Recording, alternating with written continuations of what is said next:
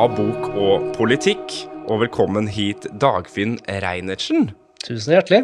Du er en av initiativtakerne til Arena Fredrikstad. Og det her kan jo bli saken som avgjør valgkampen, rett og slett. Og det har blitt en valgkampsak. Jeg har snakka med alle gruppelederne og førstekandidatene i de ulike politiske partiene på bylista nå, eh, eller i bystyret.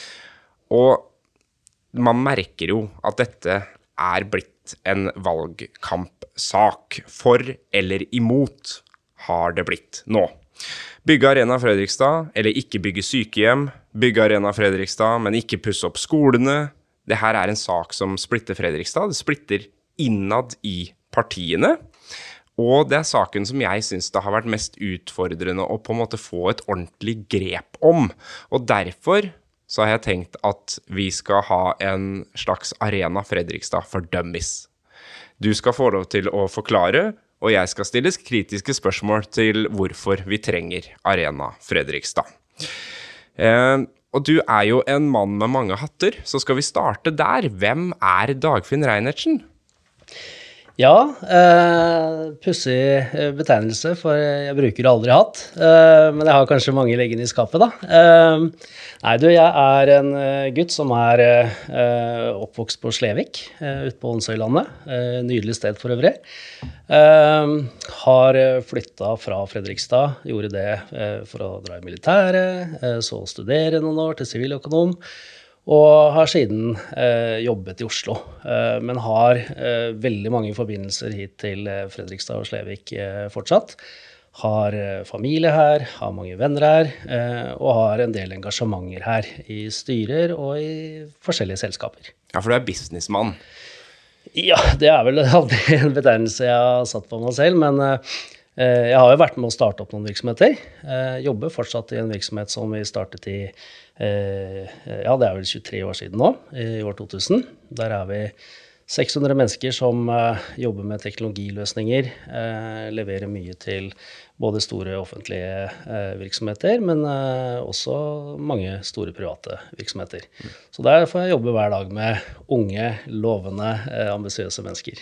Veldig spennende snek deg inn på maktlista så vidt det var eh, da Fredrikstad Blad hadde en, en, kåring. Du lå vel på 98.-plass, tror jeg? Ja, det var vel noe sånn, kanskje. Eh, Dyppa tåa litt nedi den, eh, det begeret der, ja. og, så, og så måtte jeg rote litt i arkivet til Fredrikstad Blad, og der fant jeg en sak fra 2000 hvor det står da altså at du reise 4400 km for å juble med stjernen. Altså, du var en slags eh, tilreisende supersupporter. Ja, jeg har jo eh, fulgt hockeyen lenge, og, og, det har jo på en måte vært eh, litt sånn eh, den fritidssysselen jeg syns har vært eh, givende å bruke tid på. Eh, både som supporter på tribunen for å få det frikvarteret i løpet av uka alle trenger. Lufte hodet litt og uh, bli litt inspirert og få utløp for følelser. Uh, det er jo derfor vi ofte følger med på idrett, men uh, ikke minst for å treffe mange venner og, og bekjente da, som jeg både har hatt fra før, men også som jeg har møtt der oppe. Og så var det denne ideen da, om en ny isflate eller ny ishall mm. i Fredrikstad, som ble sådd ganske tidlig da du sto i Stjernehallen og så Stjernen spille. Ja, nå har jo det vært en, eh, en sak som måtte ha versert uh, egentlig veldig mange år. Uh, skrur vi klokka litt tilbake, så ser vi jo det at uh, når klubben på dugnad bygde Stjernehallen i 1970, så har jo klubben utvikla seg mye siden den gangen. når man vant NM-gullet i 1986 da var jo byen i eufori. Eh, og da eh, sto ordfører Gjermundsen og, og, proklamerte nærmest at nå må vi få opp isflate nummer to, slik at vi får plass til alle barn og unge, og at vi kan utvikle idrett, isidrettene videre i byen. Og siden den gang så har det jo vært egentlig veldig mange initiativer. Eh, det har vært Eh, mange initiativer på østsida. Eh, Torp Bruk i 1990. Eh, mange på, både på Brakkesletta og ved Brohodet. Eh, private initiativ som eh, eh, dessverre ikke kunne la seg gjennomføre. Og alt dette her endte jo ut i en idé som vi fikk på plass rundt 2009-2010, hvor vi sa nå må vi få gjort noe, ellers så avgår denne klubben med døden om noen år. Eh, med mindre vi får noe eh, ja, noen forutsetninger egentlig da, for å drive videre. Og da, da kom jo denne ideen opp. og Eh, Lars Joramo, som var styreleder den gangen, han uh, fikk til å få startet opp et initiativ i uh, forløperen til Næringsforeningen, som så fikk løftet dette her sammen med oss da, inn i politiske prosesser. Og fra 2012 så har det på en måte vært en prosess i Fredrikstad kommune. Mm, for du har også en rolle i Stjernen nå? Ja, jeg har eh, Vi etablerte jo for noen år siden et aksjeselskap eh, i påvente av Arena Fredrikstad for å eh, delfinansiere satsinga fram til vi skulle flytte inn. Uh, og har der, uh, og egentlig fra før det også, uh, vært liksom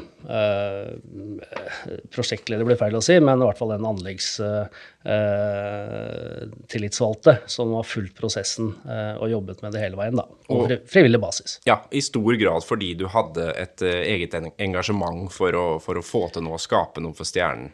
Absolutt, men veldig tidlig så ble det jo også viktig for oss at vi vi så at det å få realisert et sånt anlegg, da går det ikke an å bare tenke is og ishall. Jeg blir litt grann sånn eh, oppgitt eh, nå ti år etterpå, liksom, at man fortsatt kaller det for en ishall. Fordi eh, det som har vært viktig fra dag én, det er jo det å tenke på dette her som en byarena som skal eh, huse mange flere eh, eh, muligheter og aktiviteter enn uh, i bare ishockey, da.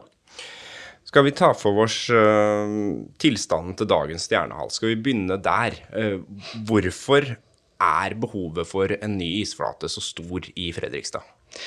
Nei, Det er jo sånn at ishockeysporten også utvikler seg. da. Og eh, vi har jo godt over 100 barn hvert eneste år som kommer inn i, i, på ishockeyskolen. Uh, og blant dem så er det veldig mange jenter. Det er 20-25% jenter stort sett uh, hvert år. Uh, men dessverre så er det ikke garderobefasiliteter til jenter. Det er kanskje greit når du er sånn fem-seks år, men det er ikke så veldig greit når du sånn, blir sånn åtte-ni-ti år og skifter sammen gutta lenger. Så det der med kapasitet, både på garderobesiden og på istid, er jo en veldig brems for å få tilbud til flere utøvere. Uh, og hvis du tenker deg at uh, de ti uh, aldersbestemte laga, da, de har 18 timer tilgjengelig for trening hver uke. Det er nesten halvparten av hva, hva man egentlig skulle hatt. så det er klart at kapasiteten det ligger som en, en veldig brems for å egentlig overleve. da, og kunne tilby nok istid, slik at de Eh, utvikler seg i likhet med de, de, eh, de, øvrige klubbene som driver den idretten. Da. Mm. Og da er jo neste spørsmål hvorfor har man ikke tidligere, eller hvorfor kan man ikke nå bare pusse opp Stjernehallen? Mm. Nei, det er jo eh, Det ble jo på en måte vurdert tilbake i 2010, faktisk. Og da var det jo føringer i overordna planer som tilsa at vi skal ikke sementere egentlig den aktiviteten som er der oppe ytterligere, fordi det ligger med ryggen til marka, flott beliggenhet, eh, og inneklemt i et boligmiljø. Så det å på en måte gjøre ting som øker trafikken, eh, det er ikke ønskelig. Uh, og det er i hvert fall ikke ønskelig å etablere en isflate på parkeringsplassen her. For da bygger man på en måte Ja, da sementerer man egentlig det anlegget ytterligere, da. Så det, å, det ble vel egentlig ansett som å kaste litt gode penger etter dårlige. og vi skal huske på at Stjernehallen ble jo bygd eh, på dugnad eh, i 1970. Eh, så tilstanden til hallen krever også betydelige eh, oppussinger. Den er ikke opp til standarden for hva man setter som krav Nei, det, det, er jo ikke det. Altså, det er, du kan se på det på to måter. da. Uh, det ene biten er liksom standard, at det skal være liksom rent og pent og flott og fint. Uh, uh, det andre er liksom det funksjonelle. Bare garderobesituasjonen f.eks. er ikke holdbar. Det gir f.eks. ikke Stjerne Ung da, muligheten til å arrangere cuper og invitere andre klubber eh, på det nivået som andre kan. Ergo så på en måte har de en begrensning på inntjeningsmulighetene sine for å holde treningsavgifter lavere, eksempelvis, fordi de har store begrensninger der. Eh, det er liksom én side av det. Og så er det eh, det der med den tekniske tilstanden generelt. Det byggtekniske, på en ja. måte? Vi søkte jo, eller vi undersøkte her for ja, vel ca. ti år siden muligheten for å eh, henge opp en sånn eh, storskjerm, eller mediakube som man kaller det, da, i taket. Da var det ingen, ei heller Moelven, som har levert de takdragerne. De, de kunne eh, garantere at vi kunne henge opp noe med vekt der. Eh, eh så det pluss selvfølgelig rotter og maur og alt det der som eh, man har hørt om, Eh, at vi måtte avlyse en semifinalekamp her for et par år siden fordi eh, tingene ikke var som det skulle. Det er jo ja, det, er ikke, det er ikke hyggelig å invitere eh, andre lag til byen. Eh, vi er kåra to ganger i VG til den eh, dårligste hallen å besøke osv. Så, videre. så Så det er liksom en annen side av det. Men av det så følger det jo også Skal man oppgradere det for å oppfylle kravene som ligger der for å spille eh, ishockey både på mellomnivå, men også på toppnivå, som vi er i dag, eh, så vil det kreve enorme investeringer. Og nå er det ikke regna ordentlig på det, men det er gjort en øvelse i nabobyen eh, på sitt anlegg. Og der har jo de anslått at uh, det å oppgradere det til dagens standard med de fasilitetene som er nødvendig, så ligger det opp mot 400 millioner kroner i Sparta Amfi, som er en mye større konstruksjon, og som har mulighetene for å gjøre det. Stjernehallen må i så fall rives for å oppfylle kravene. Og da er jo spørsmålet hvor skal man da være de to-tre årene eh, det eventuelt skulle ha pågått. Og man må, måtte også hatt et større område ved Stjernehallen, eller? For å få plass til, til større isflate? Ja, altså selve isflata vil jo være det samme, så det er jo egentlig garderobeanlegg og funksjoner rundt da, eh, som, eh, som, ville ta mer plass. Eh, og, og, der går vi egentlig bare tilbake igjen til den eh, ideen om å, eh, å, utvide med en treningssal der, f.eks. For, eksempel, for å øke iskapasiteten til flere utøvere. Eh, så er ikke det ønskelig fra kommunens side. Nettopp fordi den ligger der den ligger, da. Og det, det, er jo som det er. Og det er jo fra det punktet og fram til i dag at man har jobbet med et alternativ. Og det er Arena Fredrikstad. Og Arena Fredrikstad ble jo vedtatt i ja. 2016. Det gjorde det. Her må du forklare meg hva, hva har skjedd etter det. For det, altså KrF og Venstre stemte imot, men resten av partiene var mm. enig om mm. at dette skulle realiseres. Ja, jeg tror det var noe sånn som eh, 49 eller 50 av 53 bystyrerepresentanter stemte for. Eh, og det er en helt fair sak å ikke være for, eh, eller ikke velge å prioritere det, slik som Venstre og KrF eh, for så vidt har vært tydelige på fra dag én. Eh, men i 2016 så følte vi at med et så bredt flertall, så, så ligger egentlig veien åpen for å drive dette prosjektet gjennom. Og det ble jo beslutta en ramme, til og med, som eh, omregnet i dagens kroneverdi da, tilsvarer 750 millioner kroner ganske nøyaktig. Det var 600 millioner den gangen, ja. nå 750 millioner. Ja, og det er egentlig bare det at uh, en, uh, en krone i dag er mindre verdt enn en krone i, i 2016, eller om forstås du ser det. Men det er jo vanlig prisutvikling, da. Så, så en krone den gangen er 25 eh, dyrere i dag, rett og slett. Men hva, Man var enige om prosjektet, men man var ikke enige om hvordan man skulle løse finansieringa? Mm. Eller er det det som ja. Er det der det har stoppa? Det, det, er jo tydeligvis det. Og det som måtte er litt snodig her nå, det er at uh, i forkant av den beslutningen i bystyret i 2016, så ble det også gjennomført en sånn såkalt markedsdialog. Dvs. Si at man inviterte markedet til å se på muligheter til at private kunne gå inn eh, og ha en eh, del i anlegget. F.eks. utvikle noen andre kommersielle tilgrensende eh, funksjoner. Da. Være seg det hadde vært et hotell eller noen boliger eller hva det måtte være. Men det, da var ikke markedet, markedet, interessert i det. Da hadde tror jeg, alle nok med sitt, for den gangen var det fryktelig mye å gjøre for alle. Ehm, men så ble jo den ideen testet ut på nytt igjen da, høsten 2022. Eh, og da eh, gjorde man en ny runde på det. Og det, dette er OPS For de som liksom har lest i avisa, så er det OPS-modellen. Ja, det er det som liksom fremheves nå, da. Og øh, den kan jo ses på på flere måter. Uh, altså hvordan private skal engasjere seg. Hvis vi tar den ene varianten først, da, så, så er det litt sånn som den gamle ideen, uh, og som jeg ser også enkelte partier nå har forfektet, at vi må få inn noen private som kan bygge sine ting på tomta. Men F.eks. drive hotellnæring i tilknytning til Arena Fredrikstad. Helt altså, riktig. Ja. Og da er vel uh, sannsynligvis hypotesen da, at uh, ja, hvis vi kan bygge det der, uh, så kan vi få bygd de andre tingene billigere. Men det er ikke egentlig sånn det fungerer. Fordi én kvadratmeter ekstra koster en kvadratmeter ekstra uansett hvordan du vrir og vrenger på det. Så uh, det ville kunne vært gode funksjoner, f.eks. å hatt et hotell liggende ved siden av med tanke på uh, kongresser og messemuligheter og sånn. Men det blir ikke noe billigere å bygge selve arenakroppen av den grunn. Men det som også er noe som setter en stopper for den tilnærmingen, det er jo rett og slett at tomta er satt av i arealplanen med et gitt formål. Der settes det såkalte formål som begrenser, eh, eller avgrenser, da, muligheten til hva du kan bygge der.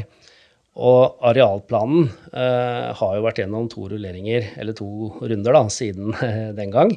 Eh, og da må vi vente fire år til da, eh, for å åpne opp det igjen. Tomta i seg sjøl er jo kjøpt eh, for det formålet som er der, nemlig videregående skole med en idrettshall og Arena Fredrikstad. Så det er ikke plass på den tomta til å utvide med noen nye funksjoner. Men den arealplanen, det, det, er jo samme, det er de samme politikerne som nå vil gå en ny runde, som har vedtatt denne planen? Helt korrekt. Og så sent som 15.6 så uh, vedtok de også uh, kan du si, nivået under arealplan, da, som er en reguleringsplan. Det er en plan som administrasjonen i Fredrikstad kommune har jobba med i, uh, siden oktober 2018 Eh, regulere en hel bydel, som dette her vil være en del av, da, er en stor eh, og komplisert oppgave. Og de har jobba knallhardt for å få den godkjent eh, nå den 15.6. Og der vedtok alle partier, så vidt jeg husker, enstemmig da, den, den, planen. Og ei heller den planen åpner opp verken fysisk eller formålsmessig for noe annet enn det som er bestemt. Og det er investert masse arbeid i den planen. Det er investert mange eh, kroner i den planen. Eh, så det er jo i så fall å utfordre egentlig alt det arbeidet som er gjort, da. Og på toppen av det så utfordrer jo også den, det sporet der utfordrer jo også alle de eh, titalls millionene, eh, det sies vel at det er ca. 50 millioner kroner, som har brukt på all planlegging og prosjektering og detaljering av prosjektet fram til nå. Og da snakker vi for kommunen? Ja. Kommunen har brukt 50 Kommunen millioner. Kommunen har brukt 50 millioner på det. Hvis, eh, ja, der omkring, da. Mm. Eh, på det. Og i tillegg så har kommunen også inngått avtaler med, eh, sammen med fylket om å kjøpe denne tomta for dette formålet. De har fått en pris eh, på den tomta av selger eh, for å gjøre nettopp de tingene her. Uh, og det har ikke vært en kommersiell pris som selger ville ha fått hvis de skulle uh, hatt det til et annet formål, da. Ok, så de har fått en bedre pris enn det man kunne anta hvis et næringsselskap f.eks. skulle bruke tomta? Det er helt riktig. Uh, så en OPS-løsning, et offentlig-privat samarbeid, den døra er egentlig lukka, selv om noen sier nå at de vil se på nye muligheter. Men, men hvorfor lønner det seg da for kommunen å gjennomføre dette prosjektet selv med en prislapp på 750 millioner. Mm. Jeg vil egentlig først eh, si at eh, det vi har snakket om på OPS nå, det er en variant som vi, eh, som vi tolker en del av de utsagnene politikerne kommer med. Men det gjenstår én OPS-variant til, skjønner du. og det er rett og slett at det prosjektet slik det formålet er liksom bestemt, da, at det er en privat aktør som kan bygge på vegne av kommunen istedenfor at kommunen gjør det selv. Og det er det som på en måte eh, har vært utredet nå i siste runde. Så det må ut på et slags anbud, sånn som vi gjør i kommunen? Ja, det er ja. helt riktig. Og da, eh, det å vri om den prosessen der eh, til å gjøre det om til et anbud for et OPS-prosjekt, fra den varianten de ser nå, hvor de inviterer markedet inn i en samspillsentreprise, som det heter, hvor de skal jobbe sammen med en entreprenør for å på en måte finne billigst og best mulig løsninger, men hvor kommunene er byggherre. da. Det, eh, det, er jo på en måte en annen variant som vil ta tid å gjøre om på. Så. Men begynner man ikke da egentlig helt på nytt og må lage et helt nytt prosjekt? Jo, det er jo nesten som det berømmelige stigespillet vi spilte da vi var liten. Det er litt rykk tilbake til start. Uh, og uh, nå har vi også jobba med dette her i kommunal sammenheng siden 2012. Uh, det er uhorvelig lang tid. Så det å på en måte eh, gå tilbake nå og omdefinere hele prosjektet, det frykter vi da vil, eh, vil gjøre at eh, dette her vil ta ufattelig lang tid.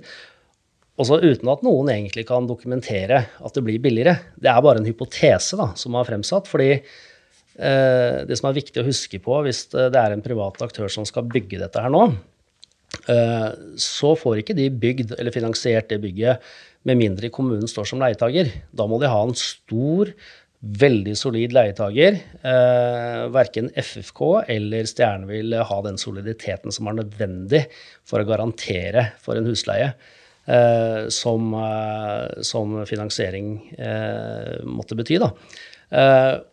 Og da, da, er det sånn at da må den private inngå en avtale med kommunen om leie. Så kostnadene kommer tilbake på kommunen i form av en leie over f.eks. en 50-årsavtale, istedenfor at kommunen skal låne deler av dette her og bygge selv. Og det er der de diskuterer hva er billigst.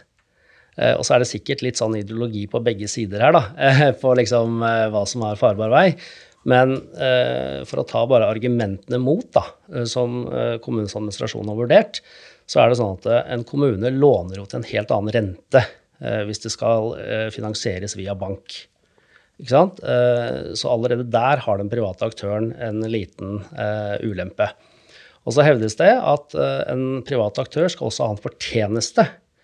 Og det er jo livsnerven i enhver privat virksomhet. Det sier seg sjøl, det. Ja, du skal tjene litt penger for å ta risiko. Uh, og med de to faktorene så mener kommunen at uh, ja, men hva er det i What's in it for us, da, som man sier. Ja, hva, hva, sitter egentlig kommunen igjen med hvis vi ikke har eierskap til ja, uh, hvor, det, hvor, pengene havner, går tilbake? Helt riktig. Og, og, og, utgangspunktet er liksom at de totalt sett over, en, over mange år, da, så, så, så mener de at det er dyrere. Men Eh, en fordel med det, eh, som en privat aktør kan gjøre, han kan regne litt på restverdier av bygget etter leieperioden osv. Uh, han kan strekke denne kostnaden over flere år enn de 30 åra som kommunen må låne på. Så, så, så det, liksom, det ville gitt en annen innretning og et annet fotavtrykk i kommunekassa år for år da, i, i, mange år fremover. Så det er noen fordeler ved det som uh, som eh, er liksom Når det settes opp mot hverandre, da. Det er noen fordeler og ulemper, men kommunen har også selv konkludert med at det vil være billigere for det i det lange løp å bygge selv. Og så har man det med å ha kontroll over hva uh, som er i hallen, hva som brukes, uh, hvem som eventuelt leier seg inn, mm. og hvor mye de eventuelt tjener på uh, sine arrangementer, eventer. Ja, og det er jo liksom brukssiden og arrangørsiden av det her. Og det er klart alt sånt går an å regulere gjennom avtaler. Mm. Eh, men det er jo nettopp disse tingene her da, som også medfører at det å finne gode sånne avtaler, at kommunen selv vurderer at det vil ta lang tid da, å få på plass et sånt avtaleverk. Eh, vi har sittet i Glommafestivalen, styret sammen, mm. du og jeg. Det har vi. Her er, her er alle kort helt åpne på bordet. Men vi har aldri snakka om det her. Vi har aldri snakka om Arena Fredrikstad eller hockey. Og det er antagelig fordi jeg er null interessert i hockey. Jeg har vært på én hockeykamp én gang, og da var det faren min som tvinga meg til å være med. Det var ikke noe for meg. Og da kommer det spørsmålet som jeg tror veldig mange sitter med. Det er hvorfor skal jeg, som aldri har vært på en hockeykamp, heie på det prosjektet her? Mm. Nei, eh, jeg vet at du er veldig glad i Fredrikstad, Perry. Uh, og jeg vet at du er en raus fyr som uh, unner veldig mange andre mennesker uh, gode opplevelser. Da. Og så vet jeg at du også er en, en fyr som liker å gå på konserter, liker å gå på show og oppleve ting. Og det selv om ikke du velger å gå på alt selv, så tror jeg du har både respekt for og unner andre mennesker å, å ha gode opplevelser, da. Uh, og det er vel sånn vi må tenke litt her òg, tror jeg, da. Uh, jeg uh, bruker kulturlivet mye her hjemme sjøl, men jeg går ikke på alt. I Oslo hvor jeg på en måte har en leilighet også, da. det er mye der jeg ikke velger å bruke. Men jeg, har, jeg, jobber både med Nationaltheatret faktisk, og eh, Norsk Opera og Ballett. Eh, og har fått oppleve kultur som jeg kanskje egentlig ellers ikke ville oppsøkt. da. Og selv om jeg ikke er frekvent gjest der, så, så ser jeg jo kvalitetene det gir til, til, den byen. Og det jeg tenker med Arena Fredrikstad, som ikke bare i anførselstegn, er en ishall, så vil det kunne være en byarena som vil kunne huse mange andre eh, kulturopplevelser og eh, eventopplevelser som eh, kan slå ganske bredt ut eh, for mange flere enn de som er interessert i ishockey også, da. Uh, og det uh, tenker jeg gjør at uh, den arenaen er ikke bare en hall.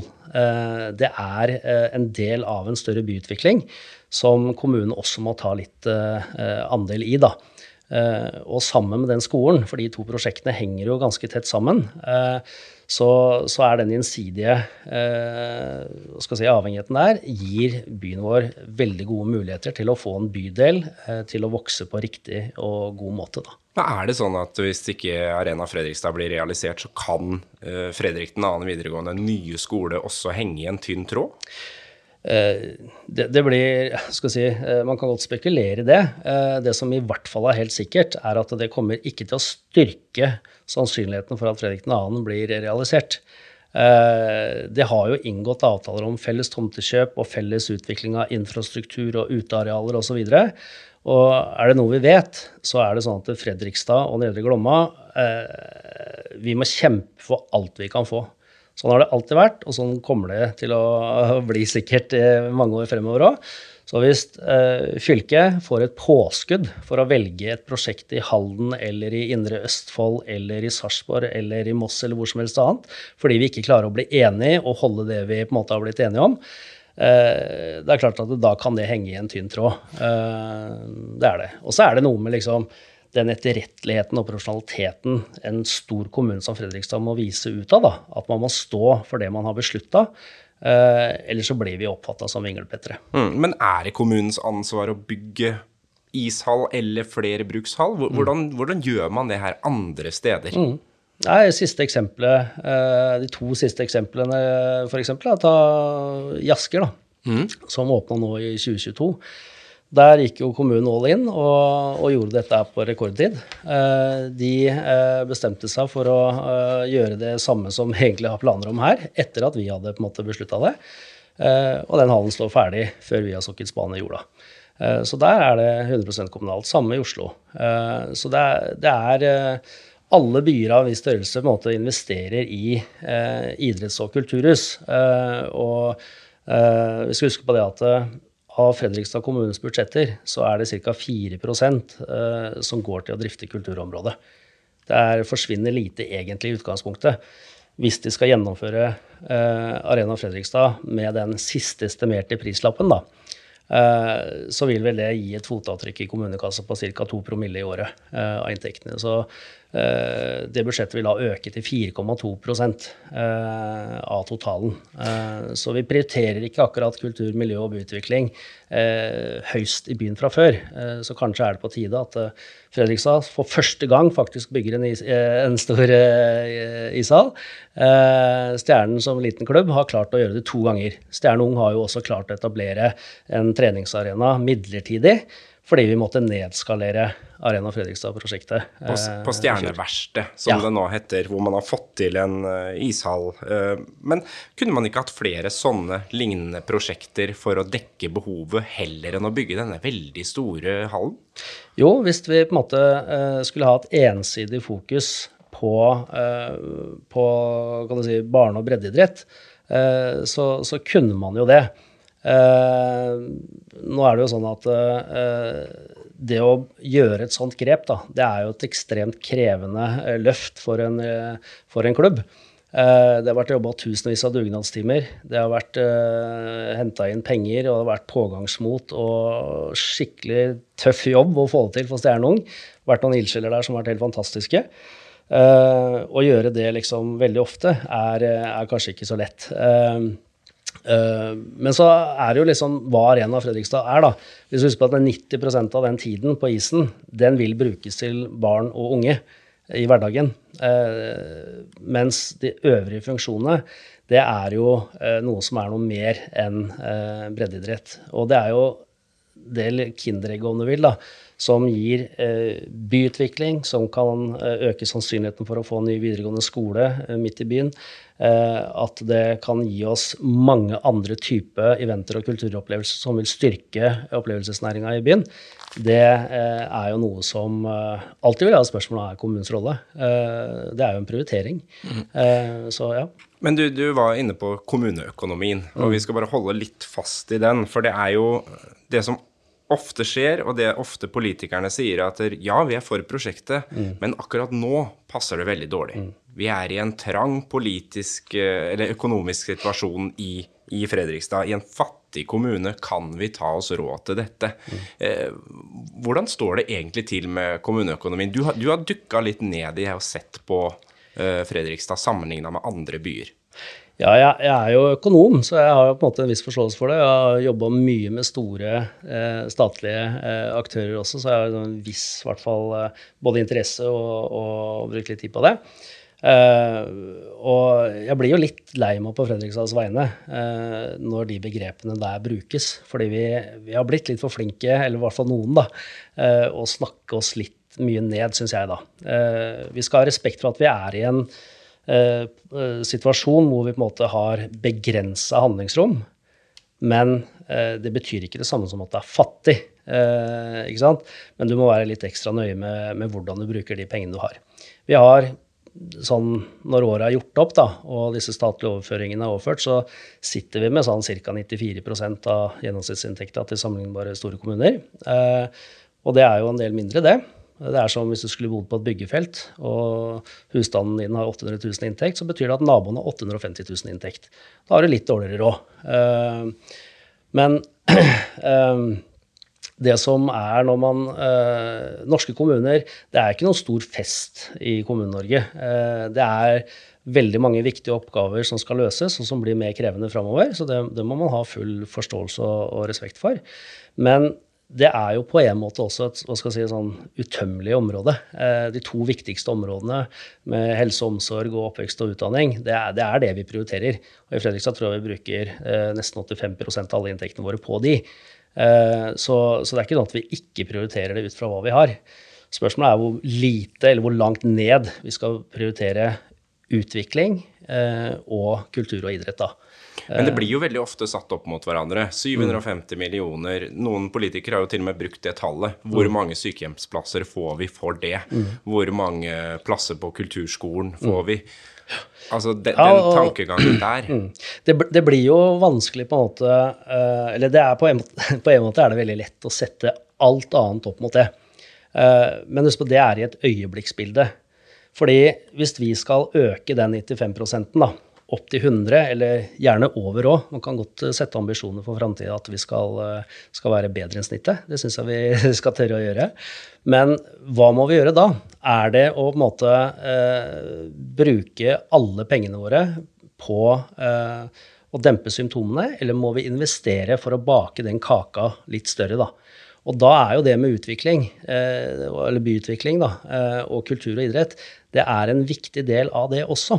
Så istedenfor å eh, liksom krige om kakesmulene, eh, så la oss fokusere på å bake kaka litt større, da. Det er liksom det litt svulstige svaret, da. Men eh, 750 millioner er jo ekstremt mye penger. Eh, og det tallet det vet vi jo ikke helt nøyaktig heller, for vi har ikke fått det, noe tilbud. Nei, for, det, for det er jo, der er vi jo inne på noe essensielt òg. Ingen kan egentlig si hva sluttsummen er. Mm. Og det er kanskje det som skremmer folk litt, til og med de som har sittet og vedtatt og er mm. med på det. Ja, det er helt riktig, og jeg, jeg, jeg syns jo det på nest, Jeg syns det er litt trist, da. Eh, det er mange politikere som Jeg vet de har mye sakspapirer, og det er tydelig at ikke de får tid til å reflektere liksom, over alt de, de får, da. Men uh, jeg har sett at uh, ja, noen har sagt milliard, noen har sagt 835, men det som ligger på bordet nå, den, etter den nedskaleringen, så er det siste estimatet, vel å merke, 750 millioner. Og inni der så ligger det også noe renter, avdrag eh, inflasjonen som mm. Altså, det er mange ting som påvirker her nå. Kan du, kan du bare ja. ta oss gjennom det? Ja, jeg skal gjøre et forsøk og kanskje lage et eksempel på det. Fordi eh, punkt nummer én, de 750 millionene, det er ikke hva de kommer til å koste oss. Hvis vi lager en uh, litt forenkla sammenligning, da, men la oss si at uh, du skal gå og kjøpe deg en mobiltelefon. da. Veiledende pris på den er 7500 kroner. Uh, og så uh, er det sånn at uh, akkurat nå så er det tilbud. og i Arena Fredrikstad-sammenheng så har vi noen fradrag, fordi du får tilbake momsen. Det er noen tilskudd med spillemidler og diverse andre ting. så la oss si at du liksom da kommer ned på 5500, da, for det er, du får 2000 kroner i rabatt. da koster jo den telefonen da 5500, ikke veiledende pris 7500. Men så er det også sånn at i denne butikken her så uh, har du no, en verdi fra før i form av den mobiltelefonen du har. Og den kan du få innbytte for. Så la oss si du får ytterligere 2000 kroner uh, i mindre å betale for det produktet du uh, ønsker å kjøpe. Da. Og det er gamle Stjernehallen-tomta? Det er gamle Stjernehallen-tomta, og det som er av eventuelle utbytter relatert til det og Isegran Eiendom, og eventuelle fondsavsetninger kommunen allerede har gjort. da. Så liksom, da eh, er det jo litt sånn at eh, uten å liksom tallfeste disse tingene nøyaktig, for det kan vi ikke gjøre før saken leveres Det skal ikke tas noen beslutning heller før tallene er på bordet. Eh, og da er det jo sånn at da er det det kanskje ned mot 4000 kroner da, at den telefonen faktisk vil koste da. Og da kommer det du liksom spør ja, men hva med inflasjon og hva med renter og sånn? Jo, du har ikke råd til å cashe ut de 4000 kronene nå, så du må ta det på nedbetaling. Og kommune eh, de tar jo ting på nedbetaling gjennom å lånefinansiere og betale renter og avdrag over 30 år. Og da har du på en måte fått brutt ned dette her litt mer, da. Og eh, når du tenker inflasjon, så er jo det faktisk en ting som spiser opp den rentekostnaden også. Det er det som kalles for realrente. Eh, kommunen låner til eh, akkurat i dag liksom, eh, Jeg så i 2022 så hadde vel eh, gjennomsnittlig rentekostnad på 1,7 Eh, men hvis det er eh, inflasjon som overstiger det, så er prinsippet lånet gratis. da. Eh, vil si du må betale avdragene, men du betaler da ikke for rentene. Så i så måte så kan du godt si at inflasjonen har gått for noe. Det er at finanskostnaden din blir redusert, da. Litt teknisk, men, men poenget er at vi snakker ikke om at det skal koste kommunen 750 millioner. Eh, den delen de ender opp med å låne, den skal legges ut over 30 år. Eller kanskje til og med kunne de avskrevet det over byggets levetid og fordelt kostnadene over 50-60-70 eh, år istedenfor. Husk å regne litt sånn teknisk på det. Så, så, og da kommer du liksom ned på en kostnad per år da, i snitt da, eh, som langt undergår de verdiskapningen dette her vil gi for byen. Ja, for nå er vi tilbake på verdiskapninga. Du har snakka om byutvikling, du har snakka om det området og potensialet som ligger der. Men så har du jo selve hallen, da. Du har på en måte Stjernen som organisasjon, mm. og så har du det som skal uh, være rundt, mm. med kurs, konferanse, arbeidsplasser. Kan mm. du si litt om det òg? Ja, jeg kan bare ta utgangspunkt i sånn vi har det i dag. Så er vi ca. Eh, i hele stjernesystemet så er vi jeg tror det er 36 ansatte ja, med, med, alt. Eh, og det er jo på en måte eh, et utgangspunkt. Eh, da bidrar vi som eh, en liten bedrift til skatter og avgifter og finansierer noen lærere og sykepleiere for det. Eh, I form av at vi betaler jo alle penga vi får inn, det bruker jo vi lokalt. Så vi er jo en verdiskaper på lik linje egentlig med en vanlig bedrift. da. Jeg tror vi gjorde en sammenligning. Vi, vi bidrar like mye til samfunnet som Selbakk Rør for eksempel, gjør med sine ansatte. Mm. Flinke rørleggere. ikke sant? Eh, det er den ene siden av det. Og så har jo på en måte idrettslag, sånn som FFK, håndballklubben og vi og innebandyen og alt, liksom. Vi, vi har en ekstra dimensjon da, eh, som dreier seg om samhold. Dreier seg om stolthet for byen hvis vi gjør ting riktig. Eh, det dreier seg om engasjement, eh, både gleder og frustrasjon. Men alt det der har jo noen egne kvaliteter. Idretten er jo også en aktør på lik linje med kulturen, som gir unge mennesker tilhørighet, og, og, kanskje fører det inn på rett vei i livet. Men sånne ting regner vi jo aldri på. Vi har ikke gode regnemodeller for det i Kommune-Norge. Danmark er det veldig flinke til å gjøre det, men det er ikke tatt inn i regnestykkene her i det hele tatt. Da. Men har man noe å sammenligne med når man tenker på liksom potensialet for å leie ut salen til en svær ja. konsert? da? Du skal, du skal, få Karpe til Fredrikstad mm, igjen, liksom, mm. og da er det kanskje Arena Fredrikstad mm. som er uh, neste En våt novemberkveld, fordi nå skal de et annet sted på sommeren, ikke sant. Uh, nei, men det, det, er noe med det der. Og det mest nærliggende eksempelet, så skal vi ikke på en måte sammenligne oss én til én med de, da, men uh, Stavanger Oilers, de har jo Eh, de er veldig flinke på å drive DNB Arena, som det heter. Eh, der har de, eh, og har fått egentlig hele økonomien rundt den biten der av de. De er veldig åpne på det. Får ikke lov til å nevne alle tall, men hvis de bare summerer opp siden, de, siden 2013 da, og fram til 2020, fram til pandemien, da hadde de 32 konserter, basically fulle hus. De hadde 65 show inkludert Disney on Ice, uh, Chris Rock ikke sant, og hele den gjengen der. Og når vi ser på de to drave konsertene, så er det alt fra Deep Purple til Backstreet Boys, liksom. Uh, det, er liksom stort spekter. Stavanger Symfoniorkester spilte der med Bjørn Eidsvåg. Kaizers hadde avskjedsturneen sin der. Uh, så det er liksom mange sånne type ting. og så er det jo det at som også er en kommersiell leietager, det er jo landslaget. Uh, og det har også vært spilt over, 32, eller over 30 landskamper der uh, i den perioden. Og uh, mange tenker ja, ja, ishockeylandslaget fått fast tilholdssted, eller? Nei, det er Håndballforbundet som har spilt flest kamper der. Så Møbelringen Cup, som det het før, og, og sånne EM-kvalifiseringer som går før, der velger de å legge det til den hallen, fordi den har såpass mange egenskaper som er så mye bedre enn Stavanger idrettshall 500 meter borti gata som, som, gjør at de velger å leie seg inn der med de fasilitetene som ligger der.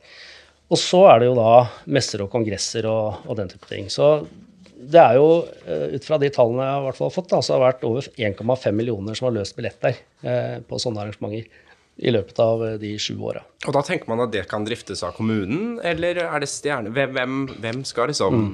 holde, holde, i det. de tinga her? Og da er det litt viktig å se på det driftsbudsjettet som kommunen har satt opp for hallen. da. Uh, og der ligger det jo en del eh, kostnader for det nedskalerte konseptet som, uh, som man valgte å gå for nå i, i, i høst. da. Så, uh, så, ligger det inne en stilling som skal drive med forvaltning og utleie. Det er satt av 1 million kroner til det, som skal jobbe med det. men sånn som Stavanger Oilers òg, det er ikke dem som står som arrangør av alt dette her det er promoselskaper eller annen type Live Nation og Det er de eh, store som eh, ja. booker seg inn i Telenor Arena og, og Oslo Spektrum og ja. Helt riktig. Og eh, det er jo et nettverk hvor liksom, kanskje en fire-fem sånne arenaer i Norge. Da, liksom, der er det ofte sånn Sting, f.eks. Han spilte jo på Hamar etter at han har vært der osv. Så, videre, så da, lager de sånn mini-nasjonale turneer på, på, ting. Og det kunne jo også være aktuelt for Fredrikstad, helt sikkert. Mm. Vi må snakke om hva, her, hva som står på spill eh, for Stjernen. Mm. Eh, Stjernehallen er i ferd med å ramle sammen, rett og slett. Eh, er det sånn at eh, hvis ikke Arena Frøysa nå blir realisert, så er Stjernen hockey ferdig? Eh, det, det, er ingen som får meg til å si det, for det har jeg liksom ikke ja, jeg, vil liksom ikke tenke den tanken, da. Men det står en del eh, på spill? At det er mulig. Det står veldig mye på spill. Og det er jo, eh, det er jo faktisk reelt, da. Fordi det som skjer nå, og har skjedd nå, at nå kommer det eh, bl.a. altså Én ting er å drifte det med, med, med, sånn som det er nå. Vi sliter jo voldsomt med å få til en, en drift på, på, på det som er der.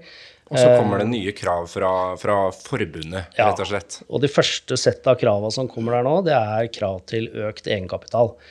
Og nå er vi en gjeng som har Det er vel vært tilskudd de fem siste åra nå, inkludert den sesongen som kommer, på 15 millioner. Som eh, det er en gjeng privatpersoner som har bidratt med ca. tre i året da, eh, for å klare å holde hodet over vannet. Og den avtalen den ble inngått uh, når Arena Fredrikstad var uh, tiltenkt klar for uh, ja, det er vel to år siden. og så har vi et ekstra år nå, da. Nå, da. så nå er vi på overtid, og flere av de her har jo egentlig mista litt tilliten da, til at Fredrikstads politikere skal stå ved det de har lovt. og det blir veldig vanskelig å reise den kapitalen for å klare de kravene om ikke det kommer en, uh, en, bindende beslutning nå i løpet av høsten uh, før lisenssøknad for neste år skal sendes. Da. det er liksom det ene. og i, i, en prosess hvor både forbund og elitehockey liksom jobber med å få økt kvaliteten, økt anseelsen og attraktiviteten til ligaen, så kommer det også arenakrav. det vil vi ikke kunne møte. For her snakker vi om fasilitetene. Ja, og alt. plass, ikke sant. Og at ikke du skal sitte med kneet opp under haka. Uh, at det er temperaturer, at det er lyd. At det er uh, de fasilitetene som seks-syv av klubbene i dag har. da. Garderober, f.eks. Type det. Og det vil vi ikke kunne møte. Og så er det det at det kommer et minimumskrav til omsetning. og vi klarer ikke å nå det sånn som det er. og, det Eh, vi liker jo ikke liksom å snakke om å sette liksom eh, Ja, eh, male fanden på veggen, men nå er det alvor, da. Og konsekvensen er jo at eh, vi kan måtte liksom pakke sammen. Eh, eh, fordi ja, disse prosessene begynner å dra ut altfor mye. Og det er jo litt av det, den utfordringen vi ser med det som enkelte liksom mm, prøver på nå, da. Eh, å ta en omkamp på eh, måten å gjøre dette på. Eh, vi tror jo ikke det er liksom mulig å få til det innenfor eh, Ja, det er det stigespillet som jeg sa. Det er rykk tilbake til start, og så vil åra gå igjen. Eh, og da er det for sent. Så et kanskje eller en annen variant som tar tid, det er i praksis det samme som et nei, da. Helt fair sak, men vær klar over det. Eh, og, og, og, si nei, da. Det, det, hadde vært kanskje det mest redelige å gjøre. Vi skal ta det veldig kort. Jeg har jo preka med alle sammen. Politiske partier, hvem er for og imot? Arbeiderpartiet er de som er tydeligst og garanterer bygging. De har med seg F eh, SV. Rødt er innad delt, men de er også med. Eh, Miljøpartiet De Grønne sier at det er en sak som er blitt arva, og tror man kan få mer isflate for mindre penger hvis man går i en annen retning. Frp er de på borgerlig side som på en måte er med og sier at de er villige til å strekke seg langt, også over den 300-summen som har blitt uh, forespeila. Uh, Høyre vil se på nye muligheter for et privat samarbeid. Arne Sekkelsten sier at han skal gå ut til private bedrifter på nytt for å se om man kan eh, finne ut noe der. Um, og Bymiljølista de vil også ha privat-offentlig samarbeid. Pensjonistparti vil ikke bygge. Og KrF og Venstre er skeptiske, og KrF sier det at uh, hvis man ikke får med seg noen private, da er det kanskje ikke liv laga. Mm. Men da sier man i prinsippet at uh, hockeyen i Fredrikstad er over. Ja, det er ytterst konsekvens, som ikke er usannsynlig. Kanskje snarere tvert, altså, snarere tvert om eh, sannsynlig. Da. Eh, så er det jo det, og det, det er jo et valg. Eh, å, på, å, å, sette opp det på CV-en, eh, sin politiske CV. Da. Eh, men jeg respekterer det likevel. Da. Jeg syns det er på en måte fair å på en måte være klar og tydelig, eh, og det å si nei. De jeg har størst liksom, utfordring med, er de som på en måte eh, har sagt noe annet for noen år tilbake. Det har vært investert 50 millioner kroner i prosjektering. Det er bundet opp eh, kanskje 70-80 millioner kroner i et, et, tomtekjøp og lovnader utad. Eh, ikke minst lovnader som har gjort at vi har putta, eller fått, putta, eller fått til, tilskudd i form av 15 millioner kroner eh, fra private. Eh, og så snur.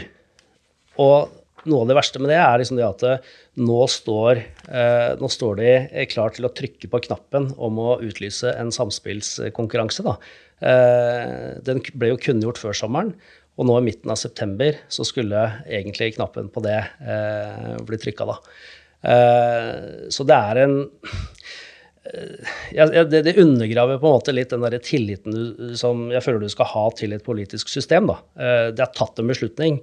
Da uh, tenker jeg at da er det viktig å stå i det. Uh, ikke for enhver pris, selvfølgelig, uh, men det er ikke noe nytt ved den totale ramma sammenlignet med det som ble beslutta i 2016. Fredrikstad kommune har bygd opp fond siden 2016 med 300 millioner kroner på toppen av det som var fra før. Så den økonomiske situasjonen er ikke så svart.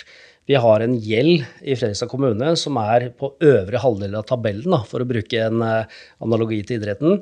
Godt plassert høyt oppe der, med lavest gjeldsgrad. Vi er en kommune som har blant de laveste offentlige avgiftene på vann og kloakk og renovasjonsgebyrer. Kommer til å øke i Fredrikstad som i alle andre kommuner. Men situasjonen er ikke noe spesielt annerledes enn hva den var i 2016, og da syns jeg på en måte det er, det er liksom trist å se at uh, Og spesielt for vår del, da, altså fordi konsekvensene er så høye. Men uh, en annen side av det er liksom at det undergraver litt den tilliten til det politiske systemet som jeg tror i liksom, dagens polariserte samfunn ikke trenger. Uh, jeg jeg syns det er et aspekt ved det som også er litt viktig. da. Mm. Og Allikevel så dukker det jo stadig opp liksom, nye forslag. Brakkesletta i 2022 var jo mm. liksom, et eksempel på det. Um, sånn prosessmessig, hva, hva, kommer til å skje de neste månedene nå? Nå går vi inn i et mm. valg, og det har blitt sånn nå mm. at Stemmer du borgerlig, så er du mot uh, Arena Fredrikstad. Og mm. stemmer du rød-grønt, så er du på mange måter for. Ja, litt sånn forenkla så kan du jo si det.